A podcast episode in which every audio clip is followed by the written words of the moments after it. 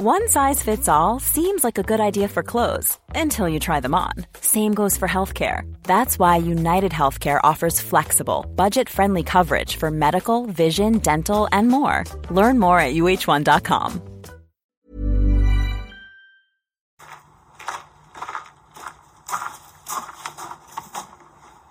Het is vandaag 5 september 2022.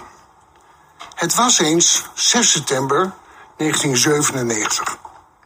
Een zonnige zaterdag in Londen en in Amsterdam. En Els en ik keken naar de begrafenis van Lady Diana Spencer, prinses van Wales in de Westminster Abbey. En we luisterden ademloos naar de toespraak van haar broer Charles Spencer en raakten ontroerd bij het zingen van het jongenskoor. Roland, beloof me, zei Els. Als ik sterf, wil ik ook zo'n afscheid. Mooie locatie, betrokken publiek, ontroerende muziek, indrukwekkende speeches, veel tranen en nog meer gelach. Ik moest lachen. Wat zijn we als Rozenbroek toch een bescheiden familie. Wij zijn Femke, Barbara en Els. Samen hebben we Saar Magazine opgericht. Femke is 42, Barbara 52 en Els 62.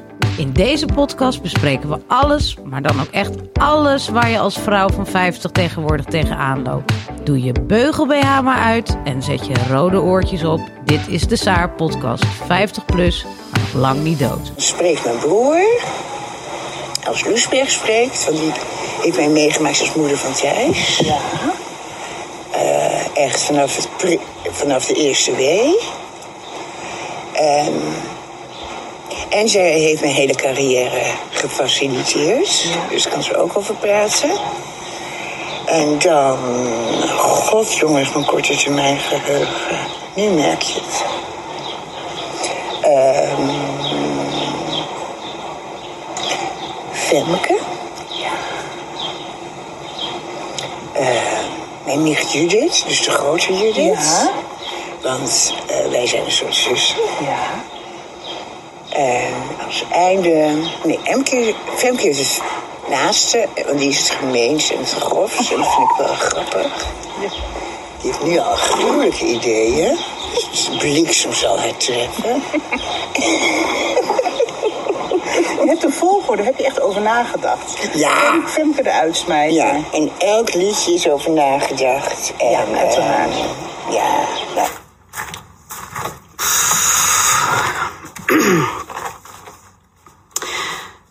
Waar is Femke? Ik moet Femke ontmoeten. Met veel bombarie komt ze de ruimte binnenstappen. Hier ben ik, piep ik vanuit een hoekje. Ik vind jouw columns fantastisch, brult ze. Ik de jouwe ook, gil ik terug. Rook je? Ik knik. Ze trekt me aan mijn mouw mee en zegt: Kom, we gaan een sigaret roken. Zo begon het tijdens de Libelle Zomerweek van 2009. Toen mijn compagnon Barbara van Erp en ik eh, met Saar wilden starten, een online magazine voor 50-plussers die nog lang niet dood zijn. Die tagline heeft eh, Els uiteraard bedacht. Was Els de eerste eh, die we vroegen om mee te doen. Want Els was Saar zoals we het in ons hoofd hadden. Ze werd hoofdredacteur van het platform en nog datzelfde jaar wonnen we Mercure voor lancering van het jaar. Het was een knettergekke en leuke tijd. Maar ineens werden we van vriendinnen ook uh, collega's. En dat veranderde de boel. Ik kwam erachter waarom Els niet alleen veel geprezen, maar ook gevreesd was. Ze kon snoeihard zijn. Dus dan ging het op de app of in de mail. Wie heeft dat beeld daarbij geplaatst? Of is dat logo door een stagiair gemaakt? Of wat een afschuwelijk stuk, dat ga ik niet plaatsen. Ons dieptepunt was toen ik in de MeToo-tijd een artikel wilde plaatsen van een journaliste die de beweging nogal overtrokken vond. En Els was, juichte de be- beweging natuurlijk enorm toe. En dat stuk was iets in de trant van: lopen we nu serieus te klagen over een hand op onze kont? En um, Ik wilde dat publiceren omdat ik zei, nou ja, Saar is voor 50 plus vrouwen. De een vindt dit, de ander vindt dat. En zij uh, zei, dan wil ik dat mijn foto per direct van de site afgaat. Ik kan niet naast zo'n walgelijk stuk staan. Uh, nou, ik heb toen Barbara gebeld en Barbara die zei, nou, je kan het ook niet plaatsen. En ik zei, nee, nee, ik ga het wel plaatsen. Die vrouw gaat mij niet overrulen. Nou, we gingen nog net niet rollend over uh, de redactievloer. Uh, er is zelfs geroepen door mij, zij eruit of ik eruit. En uiteindelijk zijn we toch weer nader tot elkaar gekomen. Dat kon ze dan ook wel weer heel goed. Uh, ik heb jou heel erg bang gemaakt. Ik zei, nou ja, ik jou ook. Uh, onze samenwerking werd met de jaren echt alleen maar beter. Uh, met name toen het printtijdschrift kwam. Want toen ging zij de tekstredactie doen en met Barbara de Kopper verzinnen. Al voordat we het uit gingen zetten. En dat ging als een trein. En het zag er altijd fantastisch uit. Al werkte zij wel wanneer wij uh, sliepen. Dus dan kreeg je om drie uur s'nachts ineens een appje. Heb je mijn column al gelezen? Of een geweldig stuk van Judith. Ik heb even een andere kop erboven gezet dan jij zei. Wat vind je ervan? En dan appte ik terug, schat. Um, om negen uur ben ik weer op de redactie. Oh, sorry! En dan uh, mailde ze later. Lieverd, het wordt weer een geweldig nummer. Vanuit Saar ontstond ook de podcast waarmee Els de afgelopen maanden uh, bekend werd. En glorieus bekend werd. Nog voordat we begonnen met die podcast bleek dat Els ziek was. En ik dacht meteen, ach, nou ja, dan gaan we die podcast niet maken. Maar Els wilde dat wel en zo geschiedde het ook. Het is volledig aan Barbara en Els te danken dat deze podcast zo minutieus het verloop van ziekte tot dood heeft kunnen schetsen. Want ik was al honderd keer afgehaakt. Ik vond de hele tijd dat het misschien niet echt kon en te precair was. Maar als Els jammerde en snotterde dat we maar even moesten stoppen... dan zette Barbara hem vijf minuten uit. En daarna zetten we aan, het gaat toch wel weer? En dan zei Els, ja, inderdaad, het gaat wel weer. Nou, laten we toch maar verder gaan. En dat vond Els dan ook prima. En daarna was ze altijd juichend over... het is weer een prachtige podcast geworden... Ze was echt met iets belangrijks bezig. Met iets wat ze eigenlijk al heel lang wilde doen. We hebben natuurlijk allemaal haar koppen en haar stukken gelezen. Maar haar woordgebruik en ook hoe zij met ons allemaal gepraat heeft. Dat moest ook de wereld in. En dat is gebeurd. En we zagen dat het publiek met volle teugen daarvan genoot. Um, haar lichtzinnige blik op de dood. Ze heeft de dood echt midden in het leven gezet. Met haar beschrijving van de Hermeskist met haar grappen over Petrus aan de hemelpoort. En dat ze hem zou uitschelden. En met het regisseren van haar uitvaart. Ja, tijdens de brainstorm bedachten we de dresscode Don Corleone. Maar vannacht werd ik wakker en dacht ik ineens... ik zou zelf nooit naar een begrafenis gaan met het thema Don Corleone. Els met haar grote bek en kleine hartje werd massaal omarmd en kwam erachter dat mensen haar leuker vonden dan zij ooit gedacht had. Uh, lieve Els, omdat Barbara en ik je de afgelopen maanden elke week zagen, hebben we je heel nauw kunnen volgen. Het was een achtbaan, maar het leek soms ook een film. En er gebeurde elke week wel weer iets wat alleen kan als je Els Rozenbroek heet. Juist daarom leek het soms ook niet echt. Alsof de film straks af zou zijn en we dan weer gewoon verder zouden gaan met ons leven. Maar het is geen film. Dat besefte ik afgelopen dinsdag pas echt toen ik je zo stil in je Hermeskist zag liggen. We hebben alles besproken, we hebben grappen gemaakt, maar dit is doodserieus. Jij bent weg. En het gekke is, lieve Els, ik dacht dat ik zou gaan leggen, dat ik stuk zou gaan van verdriet, maar het is toch niet zo. Je bent er niet meer, maar je bent er ook nog wel. Je bent bij me als ik mijn zoon ophaal van school en in het zonnetje met hem naar huis fiets. Want dan fluister je in mijn oor dat ik van ieder moment moet genieten, omdat drukke moeders dat te vaak vergeten. Je bent er, als Sarah van Gorp je in het AD citeert, ik snak naar tekstmapjes tot ik erbij neerval, lieve mensen. En je bent hier, te midden van iedereen die zo intens van jou gehouden heeft. Laten we zolang wij leven jouw woorden en jouw verhalen blijven gebruiken. Dan ben je voor altijd dichtbij. Dag lieve Els, ik hou van jou. Ja, Fem, hoe is het nu met je? Ja, nou, ehm, nu ik dit weer even zo terug hoor, dan ben ik wel weer even daar waar we, wat was het, twee dagen geleden waren. Ja. Dat was wel wat. Ja. Hoe is het met jou? Ja, het gaat wel eigenlijk. Ehm, ik, ik vond de. Het was natuurlijk een, eigenlijk een fantastisch feest. We hebben het lekker laat gemaakt. De hele avond witte wijn en bitterballen. Ik was om vier over middernacht thuis. En jij? Ja, volgens mij half één of zo. Ja, ja, ja. Ja. En ehm Heel dronken was ik. Heel erg dronken. knap dat je nog op de elektrische fiets naar Oudekerk bent gegaan. Oh ja. Nee. Nee, met de Uber ben ik gegaan. Oh, je was met de Uber. Oh, heerlijk. Ja. Oh, heerlijk. Dat scheelt dan Ja, wel. dat scheelde, ja. Want het ging ook regenen, hè? Ja. Het ging toen ineens regenen. Ik ben door de regen gaan fietsen. Dat was ook heerlijk. Ja. Ja, het weet je, ik vond het echt heel mooi. En ik vond ook dat de mensen niet echt heel verdrietig waren. En dat vond ik goed.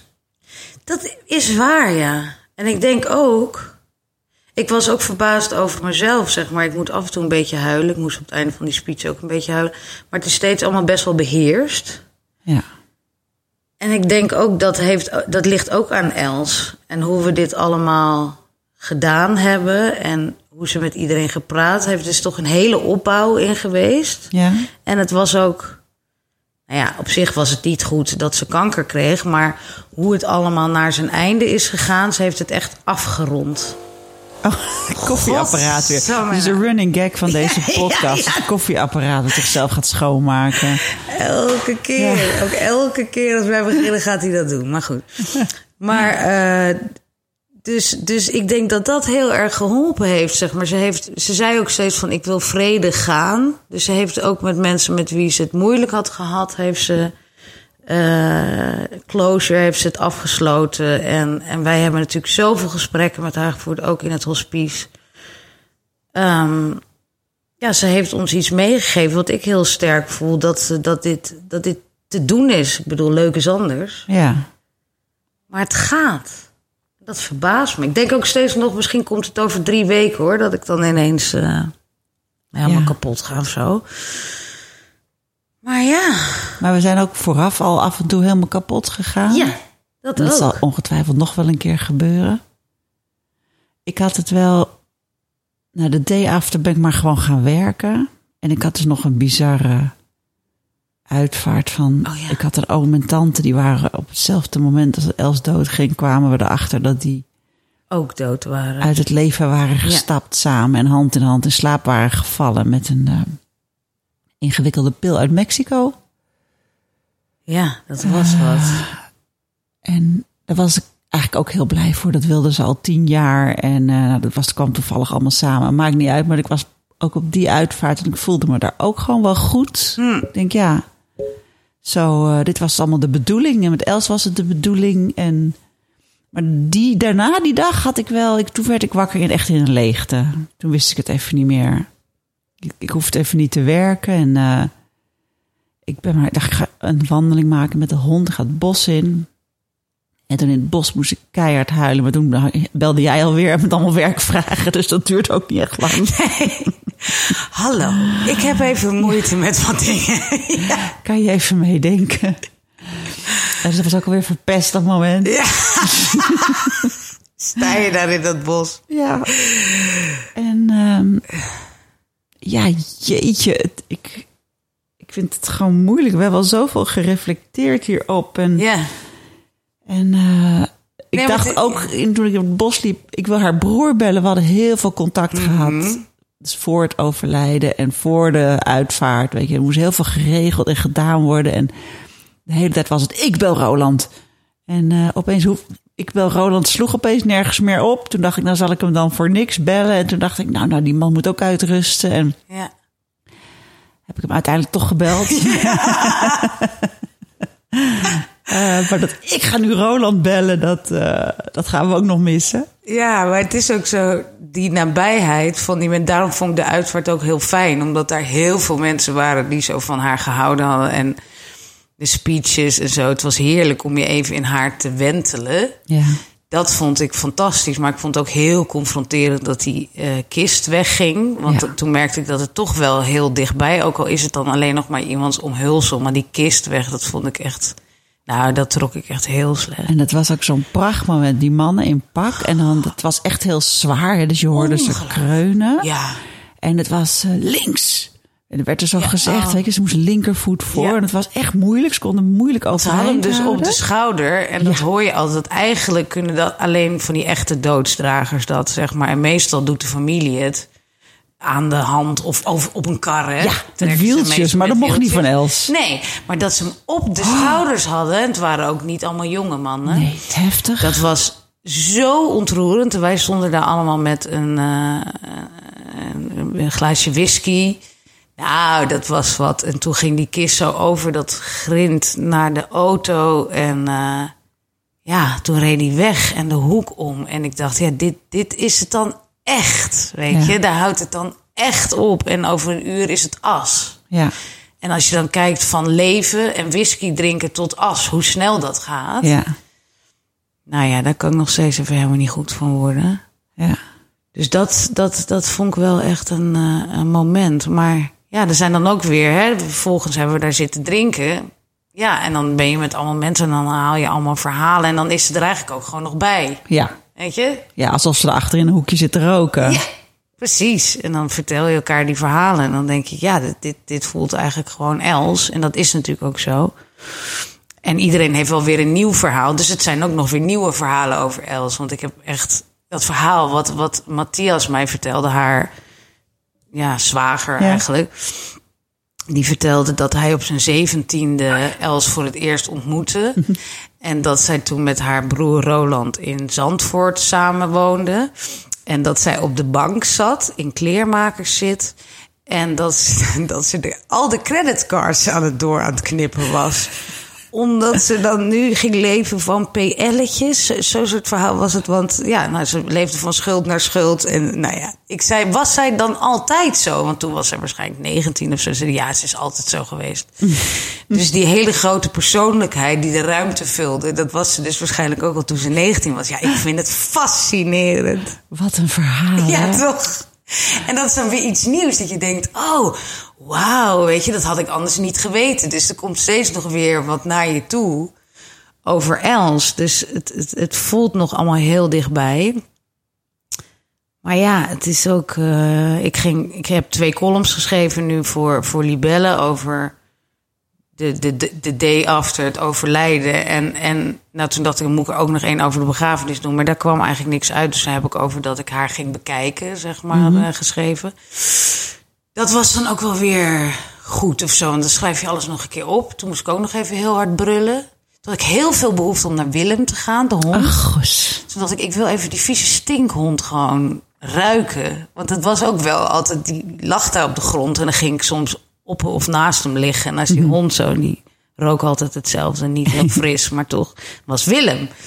Dus toen dacht ik ook, we, we, we gaan, we hebben afgesproken hè, dat we binnenkort eh, naar Roland gaan. Ik heb heel veel zin om daar bij die broer, wat ook Els is. Ja. En die hond, wat Els is, weet je, een beetje tegen ze aan te schurken.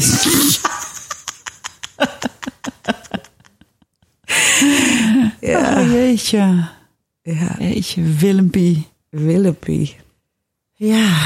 En wat heel bizar is, is dat ik nu eh, al twee soort van, hoe noem je dat, mystieke momenten heb gehad.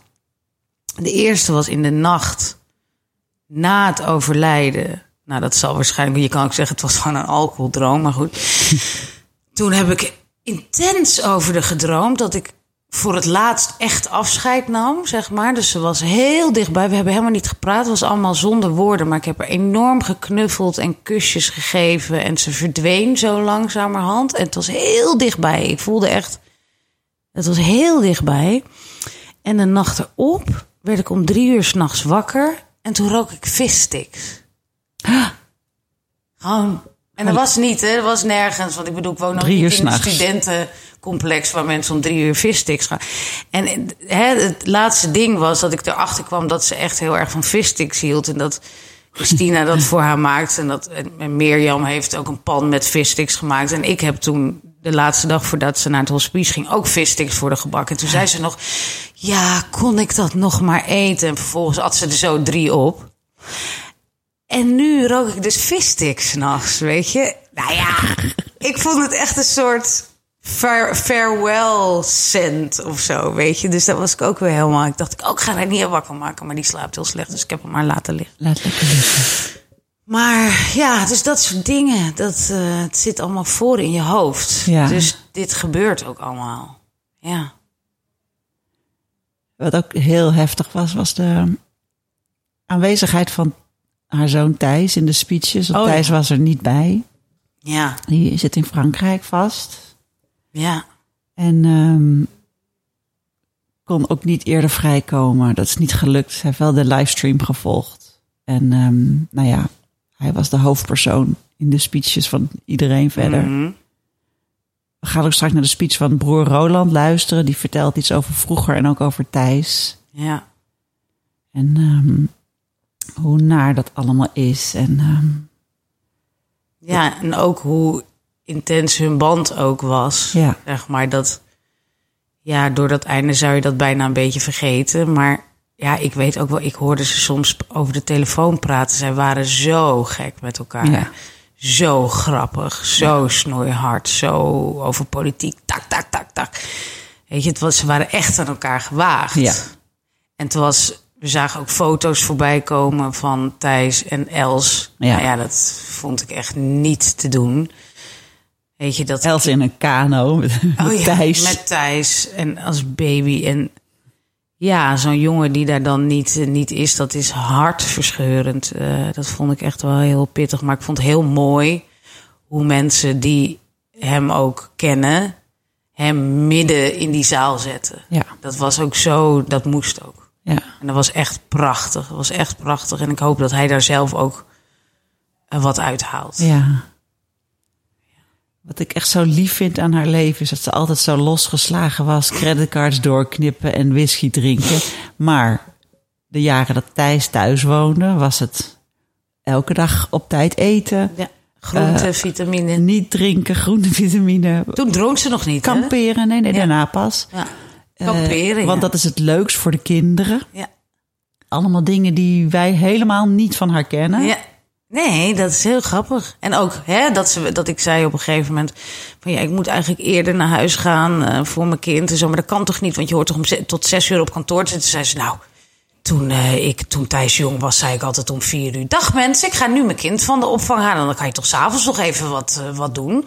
Maar ik ging gewoon om vier uur. Dus ze was, heel, ze was er echt voor dat kind. Ja. ja. Ja. Ja, dat is een hele periode waarin wij haar niet kenden. En ze ze- zegt ook altijd, of zegt zij ook altijd, dat het, en daar kijk ik ook wel eens naar, uit, dat het zo heerlijk is als je kind dan uit huis gaat, dat je dan weer je natuur kunt volgen. Ja. Weet je, want nou ja, dan ga ik helemaal dicht trekken. Maar weet je, dan gooi ik gewoon een pizza in de oven en dan ga ik gewoon liggen zodra ik thuis ben. Niks aan tafel eten en spruitjes. Dus dan zijn ze van, ja, dan kan je weer leven hoe je wil. Kan je s'nachts werken, je kan alles doen. Je hoeft nergens meer rekening mee te houden. Nog heel even, Fem. Nog negen jaar of twintig, je weet het niet. Je weet het niet meer tegenwoordig, hè? Nee. Ja. Nou, weet je, misschien is het mooi als we nu even naar Roland gaan luisteren. Dat was de belangrijkste spreker eigenlijk. Broer Roland, die ook eh, ja, op de achtergrond alles, al die vrouwen die alles moesten doen, bij elkaar heeft weten te houden op een of andere manier. Ja. Want dat waren een stelletje kikkers, inclusief wij hoor. Maar eh, Ja. Kikkers die inderdaad de hele tijd eruit sprongen. ja. Nee, zeker. Hij heeft dat zo gracieus gedaan en ehm, met iedereen de ruimte gevend, maar nooit. Hij- Ja, weet je, er hadden echt wel eens ruzies of weet ik wat kunnen ontstaan. Dat is niet gebeurd. Echt, ik heb groot respect voor deze man. Hoe hij dat gedaan heeft. Want ik bedoel, die zus was natuurlijk ook af en toe niet te doen. Hij, toen Els net overleden was, toen belde ik en zei, hoe is het met je? Toen zei hij, oh, ik heb prima geslapen. Geen woedende appjes van Els. Precies, nou ja, daarom. En, en ja, weet je, ze had ook gezegd: wij gaan nu dit proce- pro- proces in aan het begin of zo. En eh, dat wordt nog heel moeilijk of, eh, om dat zonder ruzie te doen. Dus dat had zij zelf ook al wel door, dat het op het randje ging zijn, omdat je zo dicht op elkaar zit in zo'n proces. Maar ik vind dat hij het grootste heeft gedaan. Hij kon ook dingen van zich af laten glijden. Want als je, als je de discussie aanging, Ja. ja, dan verloor je het sowieso. Ook had ze geen gelijk, hè? Nee. Nee, dus dat, ik denk dat dat heel mooi is. Dat we ehm, daarmee eh, afsluiten. En dat we die speech laten horen. En daarna helemaal afsluiten met het liedje van Joep van het Hek. Hoe heette dat liedje ook alweer? Ja, dat, ehm, dat ben ik vergeten. Maar dat is een heel mooi liedje. En dat liedje, daar luisteren ze naar met Thijs altijd. Precies. Dat was hun liedje samen. En eh, dat was wel het moment dat iedereen wel een beetje stuk ging op de uitvaart. Ja. Maar ehm, nu komt eerst Roland en dan komt het liedje van Joep van het Hek. En eh, ja, iedereen vraagt natuurlijk nu aan ons van wat gaan jullie volgende week doen? Maar dat weten we helemaal niet. We weten het niet. We gaan iets doen. We willen door. Ehm, maar wat komt, dat komt. Eh, dit is deze week en volgende week kijken we weer verder. Ja, hier komt Roland, jongens. En dan Joep de Poep. Mijn naam is Roland. En ik ben de middelste lievelingsbroer van Els.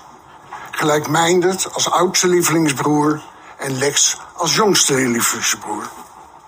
En ik ben het derde kind uit ons gezin van zes kinderen. En Els was het vierde kind. En volgens Els was ik haar grote broer die er altijd was.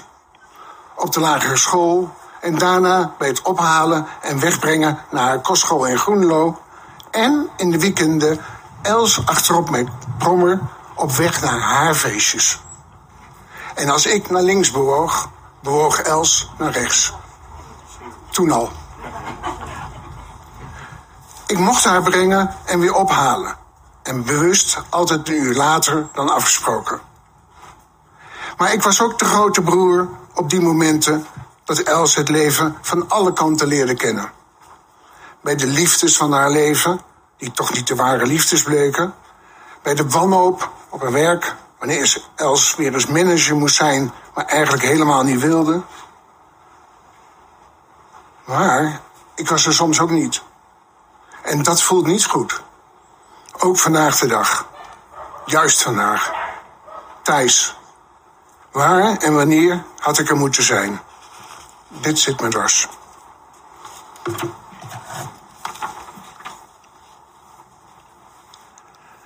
We brengen Els vandaag naar haar laatste rustplaats. En daar heeft ze de laatste maanden naar gesnakt. En ik hoor het haar voortdurend zeggen. Laat me met rust, dan ben ik gelukkig. Ze zei het tegen mij en ze zei het tegen jullie. Niemand tot last zijn. Zelfgekozen eenzaamheid. Altijd een schuldgevoel naar derden. Ze zijn allemaal zo druk. Maar ook, ik wil alleen nog maar nemen. Ik kan niet meer geven. Ik ben zo, zo verschrikkelijk moe. De behandelingen sloegen niet aan. En het verraste Els niet. Dan nog maar één mooie zomer. Gezellig op terrasjes, haar vrienden en familie nog één keer zien en spreken. Nog even lachen, nog even kostbare herinneringen ophalen. Nog even samen huilen. Terrasjes werden haar ook niet meer gegund. Maar wel de heerlijke tuin van de hospice. En daar, daar veerden ze op. Na elk teken van hartelijkheid en liefde, na weer zo'n gesprek dat de lach en de traan om voorrang streden. Jullie zijn een geweldige club mensen, zoals jullie hier zitten. Echte vrienden. Onvoorwaardelijke liefde en altijd stonden jullie klaar. En Els realiseerde zich dat als geen ander. De dood was in de eerste fase nog niet gewenst. Mocht nog niet de plaats innemen die jullie met z'n allen hadden.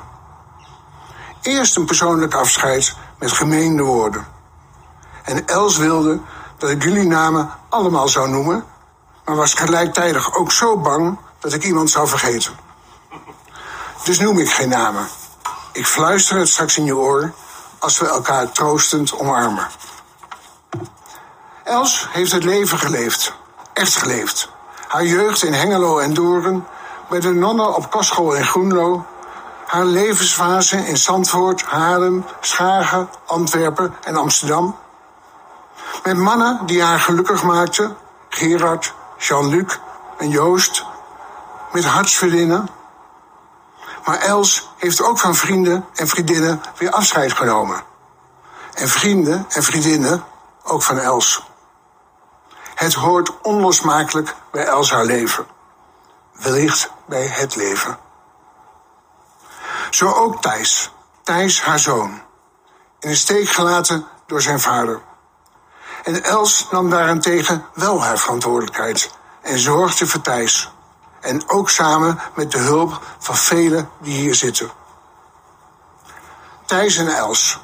Over en weer een liefdevolle en bijzondere relatie. Geen twijfel over mogelijk. En Thijs zit nu in Frankrijk. Alleen. Met een onmetelijk verdriet over zijn overleden moeder. En al degenen die Thijs zelden in de steek hebben gelaten, het verzoek van Els. Laat hem ook nu en straks niet in de steek. Vergeet hem niet.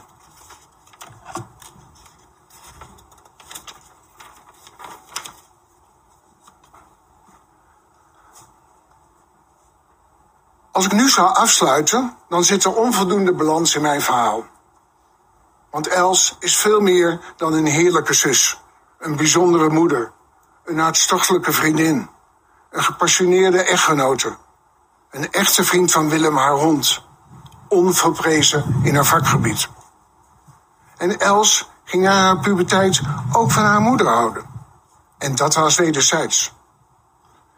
En Els, die tot rust komt in de synagoge met Jiddische muziek die je voelt op je rug en je oren strelen.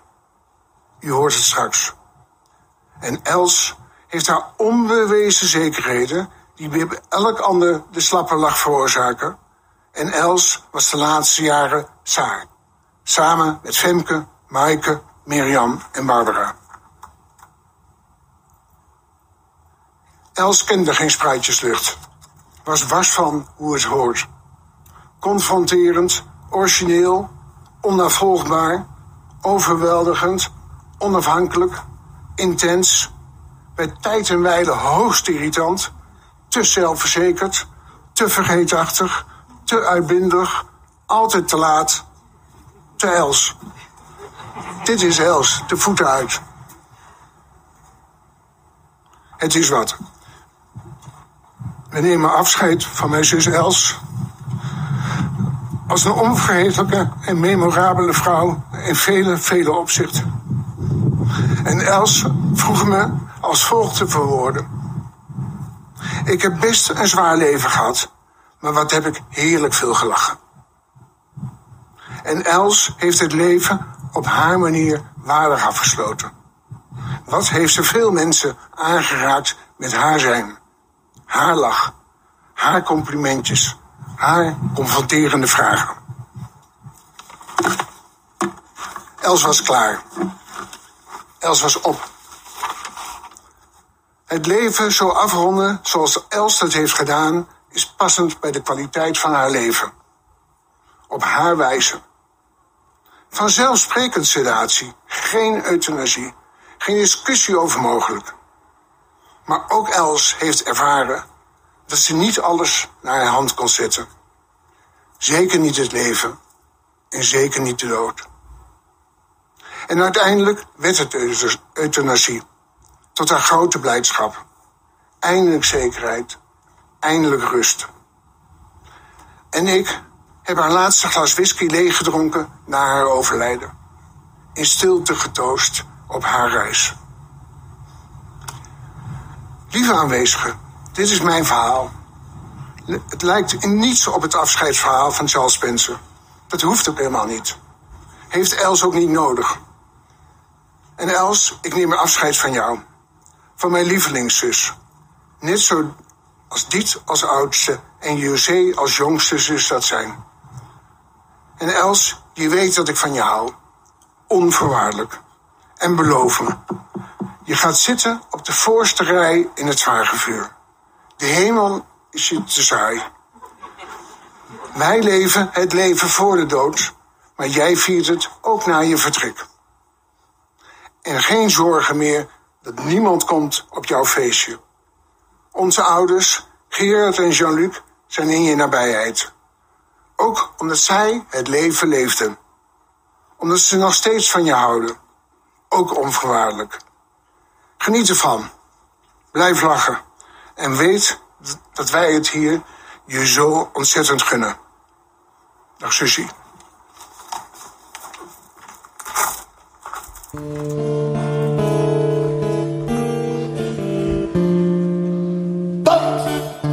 gedanst.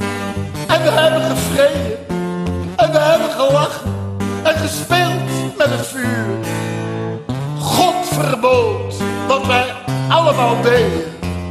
Maar leef toch je leven als het allerlaatste uur. Hi, I'm Daniel, founder of Pretty Litter. Cats and cat owners deserve better than any old fashioned litter. That's why I teamed up with scientists and veterinarians to create Pretty Litter. Its innovative crystal formula has superior odor control and weighs up to 80% less than clay litter. Pretty Litter even monitors health by changing colors to help detect early signs of potential illness. It's the world's smartest kitty litter. Go to prettylitter.com and use code ACAST for 20% off your first order and a free cat toy. Terms and conditions apply. See site for details.